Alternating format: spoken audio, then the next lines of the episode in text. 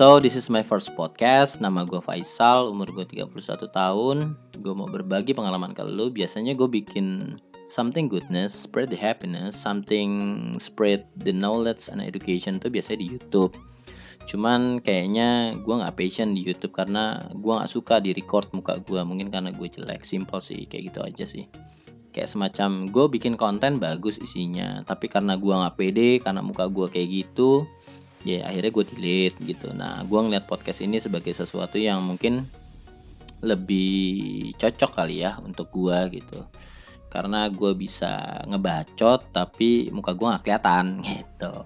So uh, gue mau berbagi pengalaman sih sama kalian. Buat kalian-kalian yang umurnya masih 20 sampai 28 tahun lah. Mungkin uh, ya siapa tahu bisa berguna. Mudah-mudahan bisa bisa berguna buat kalian untuk mengambil sebuah keputusan besar atau bisa create your positive vibes buat diri kalian gitu. Setelah dengerin podcast ini mudah-mudahan. Uh, ya gue itu lulus SMA di umur eh di umur di tahun 2006 ya gue lulus SMA di lulus di tahun di tahun 2006 uh, saat itu gue pengen banget kuliah ya. Pengen banget kuliah gue pengen banget kuliah ngambil PR atau uh, fakultas komunikasi jurusannya PR uh, karena kondisi ekonomi bokap yang lagi nggak bagus jadi gue dipaksa untuk kerja dulu gitu dan dan saat itu gue kerja dan saat itu gue diarahin sama bokap untuk kerja di mantan bosnya dia gitu di bekas tempat kerjanya dia gitulah di salah satu perusahaan kontraktor di Jakarta. Saat itu eh, pekerjaan memaksa gue untuk menempatkan gua itu ke luar kota di salah satu daerah Jawa Tengah lah. Waktu itu kita kerjain tol gitu deh modelnya. Um, di situ gue karena mungkin bosnya ini bos bokap gue ini percaya mungkin dari dulu memang orang kepercayaannya bo, bosnya bosnya ini bokap gue itu.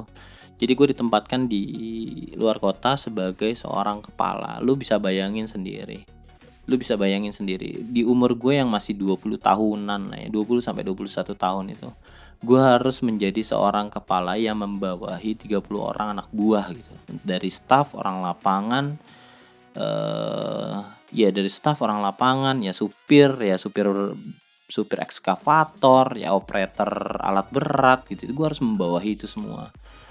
Lu bisa bayangin gue baru lulus SMA disuruh membawahi itu semua. Ya staffnya ya apanya. Wah gila sih. That's so difficult. Buat gue tuh itu sesuatu yang sulit banget gitu.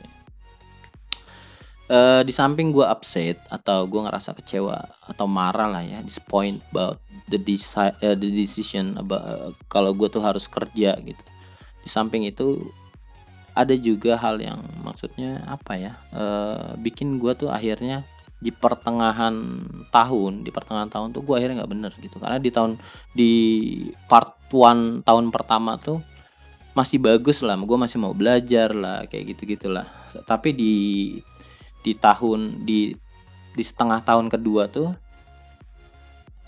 gue ngerasa hopeless atau ngerasa bahwa mental gue terganggu. Karena memang kan kalau kerja di kontraktor tuh kan banyak orang lapangannya yang harus kita hadapin yang faktor internal ya faktor eksternal. Ya sekarang gue umur gue 20 sam 21 tahun gue membawahi anak buah gue yang orang lapangan itu 30 sampai 40 tahun gitu. Ada berapa banyak gitu. Ya rata-rata mereka di atas gue semua dan gue harus mimpin mereka semua dengan sedikit secuil pengalaman hidup gue yang secuil gitu kan. Yang nggak ada apa-apanya sama mereka.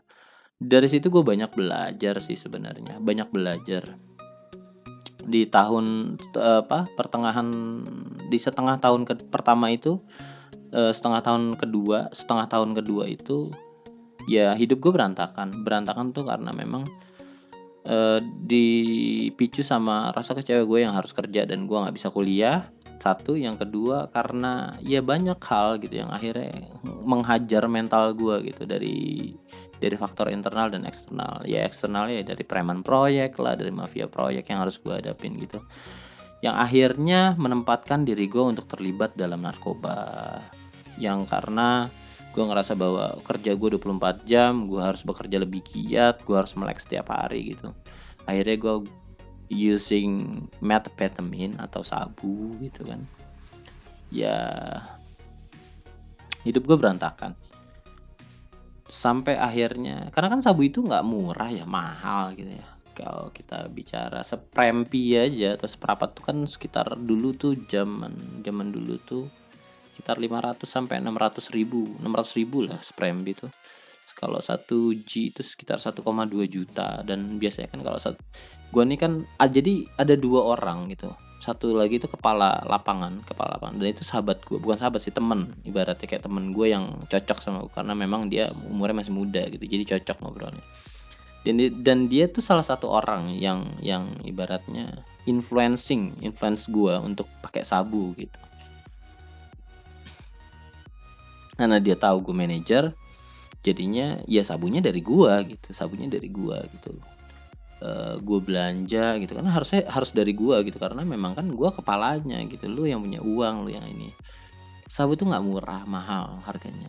Gue untuk memenuhi kebutuhan diri gue sendiri dan sabu tuh ya rasanya nggak mungkin dengan pendapatan yang gue makan dari gaji gue sendiri gitu. Walaupun memang gaji gue lumayan gitu saat itu. Cuman nggak cukup aja gitu. Karena memang sabunya mahal gitu. Ya akhirnya I'm being a corruptor gitu. Kayak semacam ada budget apa gue markup ada budget apa gue markup atau misalkan ada proyekan lokal yang yang bukan main projectnya itu nggak gue storein ke kantor it's like that. Pokoknya itu kayak semacam ya gue gue jadi korupsi lah gitu di saat itu. Karena untuk memenuhi kebutuhan sabu gue gitu. Dari situ hidup gue berantakan gue nggak memanfaatkan keadaan yang ada dengan baik lah ibaratnya kayak semacam. Ya lo seharusnya bisa bekerja lebih baik karena lo diberikan kesempatan yang lumayan gila gitu untuk orang seumur lo gitu. Seharusnya gue bisa memanfaatkan itu. Tapi ya gue kalah saat itu kalah. Mental gue kalah. Gue ngerasa bahwa uh, hidup ini nggak sesuai ekspektasi gitu. Kayak ngerasa ah gue kecewa sama semua hal gitu. Yang akhirnya gue kesabu akhirnya hidup gue berantakan. Bukan makin benar gitu kan. Kita maksudnya gue di awal itu pakai sabuk itu gue merasa bahwa gue bisa bekerja keras gue bisa bekerja 24 jam. Yang akhirnya bikin gue tuh jadi semacam kayak zombie ya malah kalau gue bilang. Lu memang bisa melek 24 jam but you can think clearly gitu. Kayak semacam lu nggak bisa berpikir dengan jernih layaknya orang normal gitu. Lu bisa lu bisa melek 24 jam tapi lu nggak bisa berpikir jernih gitu kayak semacam gitu. Yang akhirnya from what all your decision it's all bad gitu. Semuanya tuh buruk gitu. Semua decision yang gua gua gua ambil untuk perusahaan itu itu buruk gitu. Nggak ada sesuatu yang benar gitu kan. Karena gua nggak bisa berpikir clear gitu nggak bisa berpikir jernih karena sabu itu sendiri itu dia sih sebenarnya hal-hal yang kayak gitu. Terus sama semacam ya gue banyak harus banyak ngadepin faktor internal kayak semacam SDM SDM internal yang memang sudah tua yang sulit banget untuk gue arahin sesuai dengan visi misi kerja gue satu itu yang kedua gue harus menghadapi faktor eksternal juga ya preman proyek mafia proyek lain-lainnya banyak yang gue hadepin. Di situ gue banyak belajar tentang psikologi kalau gue bilang psikologi ya gue gue gue bilang ini sebagai psikologi. Kenapa gue bilang psikologi? Karena lu bayangin 30 orang. Lu harus mengenal mereka satu-satu 30 orang. Dan gue buta akan hal itu semua. Dan gue masih sedikit untuk kenal orang karena kan memang gue baru lulus SMA kan. Jangan kita bicara 30 orang. Satu orang itu karakternya berbeda-beda gitu. Banyak banget karakternya gitu. Yang kita pikir itu dia good kita pikir itu dia humble. Kita pikir kita pikir itu dia jujur tapi ternyata enggak gitu. Banyak hal yang dia lakuin di belakang kita it's like that gitu. Terus uh, ya banyak lah banyak hal yang akhirnya gue belajar tentang semua penilaian gue tentang seseorang gitu. Yang akhirnya bikin gue tuh pinter gitu. Bikin gue tuh pinter untuk menilai seseorang gitu satu itu. Yang kedua ketika gue ketemu sama faktor eksternal faktor eksternal tuh ya kayak perayaan proyek tuh bla bla bla. Mereka kan hidupnya keras ya. Nggak ada hal yang mungkin nggak ada hal yang mereka umpetin. Kalau mereka mau bilang A ya mereka akan bilang A. Kalau mereka nggak setuju mereka akan nggak setuju gitu. Itu menguatkan mental lu. Lu dihajar habis-habisan mental lu saat itu. Ya karena mereka tahu gue muda gitu. Karena mereka tahu gue minim pengalaman gitu. Jadi gampang banget dihajar di situ mental gue ketempa nyali gue jadi gede. Banyak hal yang gue pelajari dari situ. Sampai akhirnya ujungnya ketika hidup gue hancur akhirnya gue ketahuan korupsi gue ketahuan korupsi dan akhirnya the project is finished I am fired gitu. Gue dipecat gitu dari ke, ke pekerjaan itu. Ketika gue dipecat gue gak ngerasa menyesal kenapa gue bilang gue ngerasa gue mungkin menyesal iya karena gue harus kehilangan kesempatan itu dan kesempatan itu mungkin nggak nggak akan datang dua kali. Tapi gue ngerasa bahwa there is a lot of thing that I learn gitu. Banyak banget gitu pelajaran yang bisa gue pelajarin dari dari pekerjaan gue itu. Gue ngerasa gue nggak menyesal ketika gue akhirnya nggak jadi kuliah. Kenapa gue bilang gitu? Apa yang gue pelajarin di sana there is more valued than ketika lo belajar di kampus gitu maybe you're just learn about the theory tapi gue udah belajar praktek di sana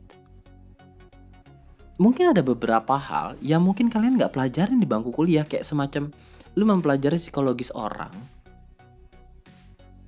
Mempelajari psikologis orang itu langsung berhadapan dengan orangnya gitu. Kalian mungkin cuma dapat teori tapi gue udah praktek gitu itu kayak menempatkan gue selangkah lebih maju daripada kalian yang sudah eh, yang yang akhirnya kuliah dulu gitu gue nggak bilang kuliah itu nggak penting kuliah itu penting tapi saat itu di momen itu gue merasa bahwa gue beruntung end up-nya gue berpikir bahwa gue bersyukur atas hal itu.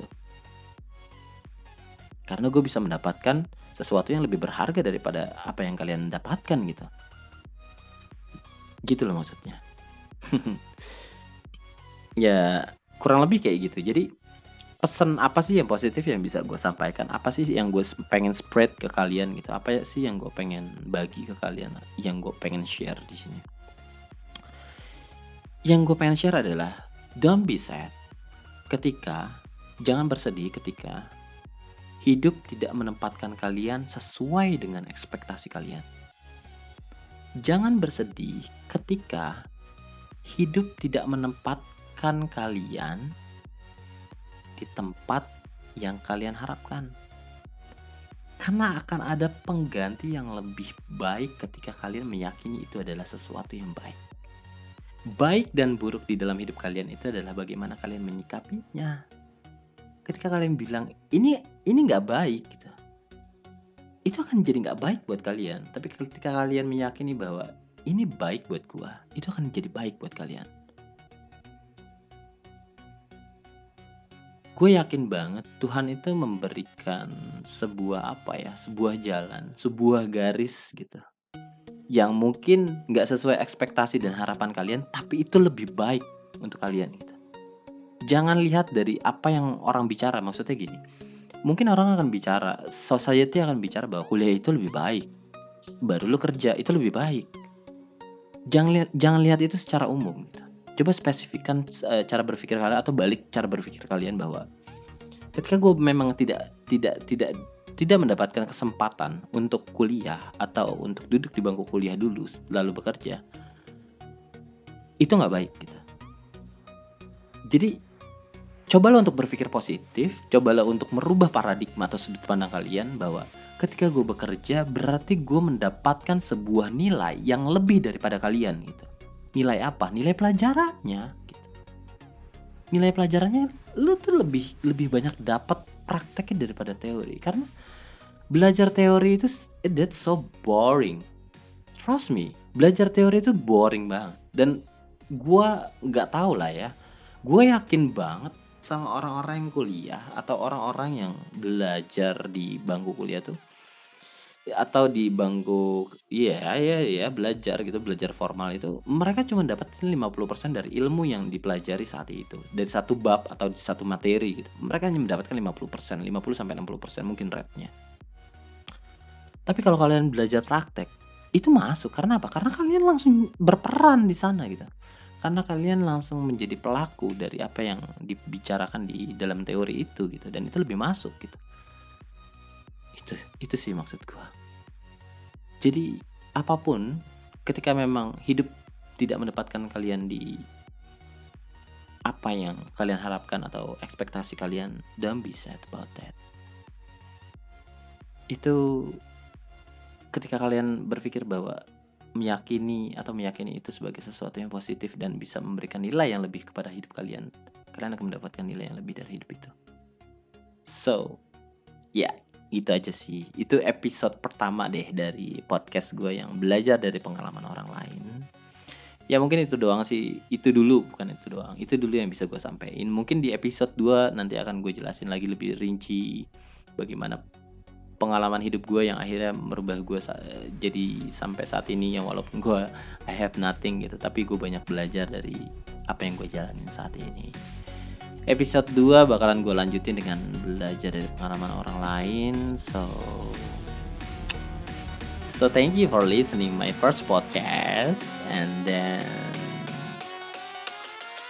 spread the happiness and goodness. Thank you for listening and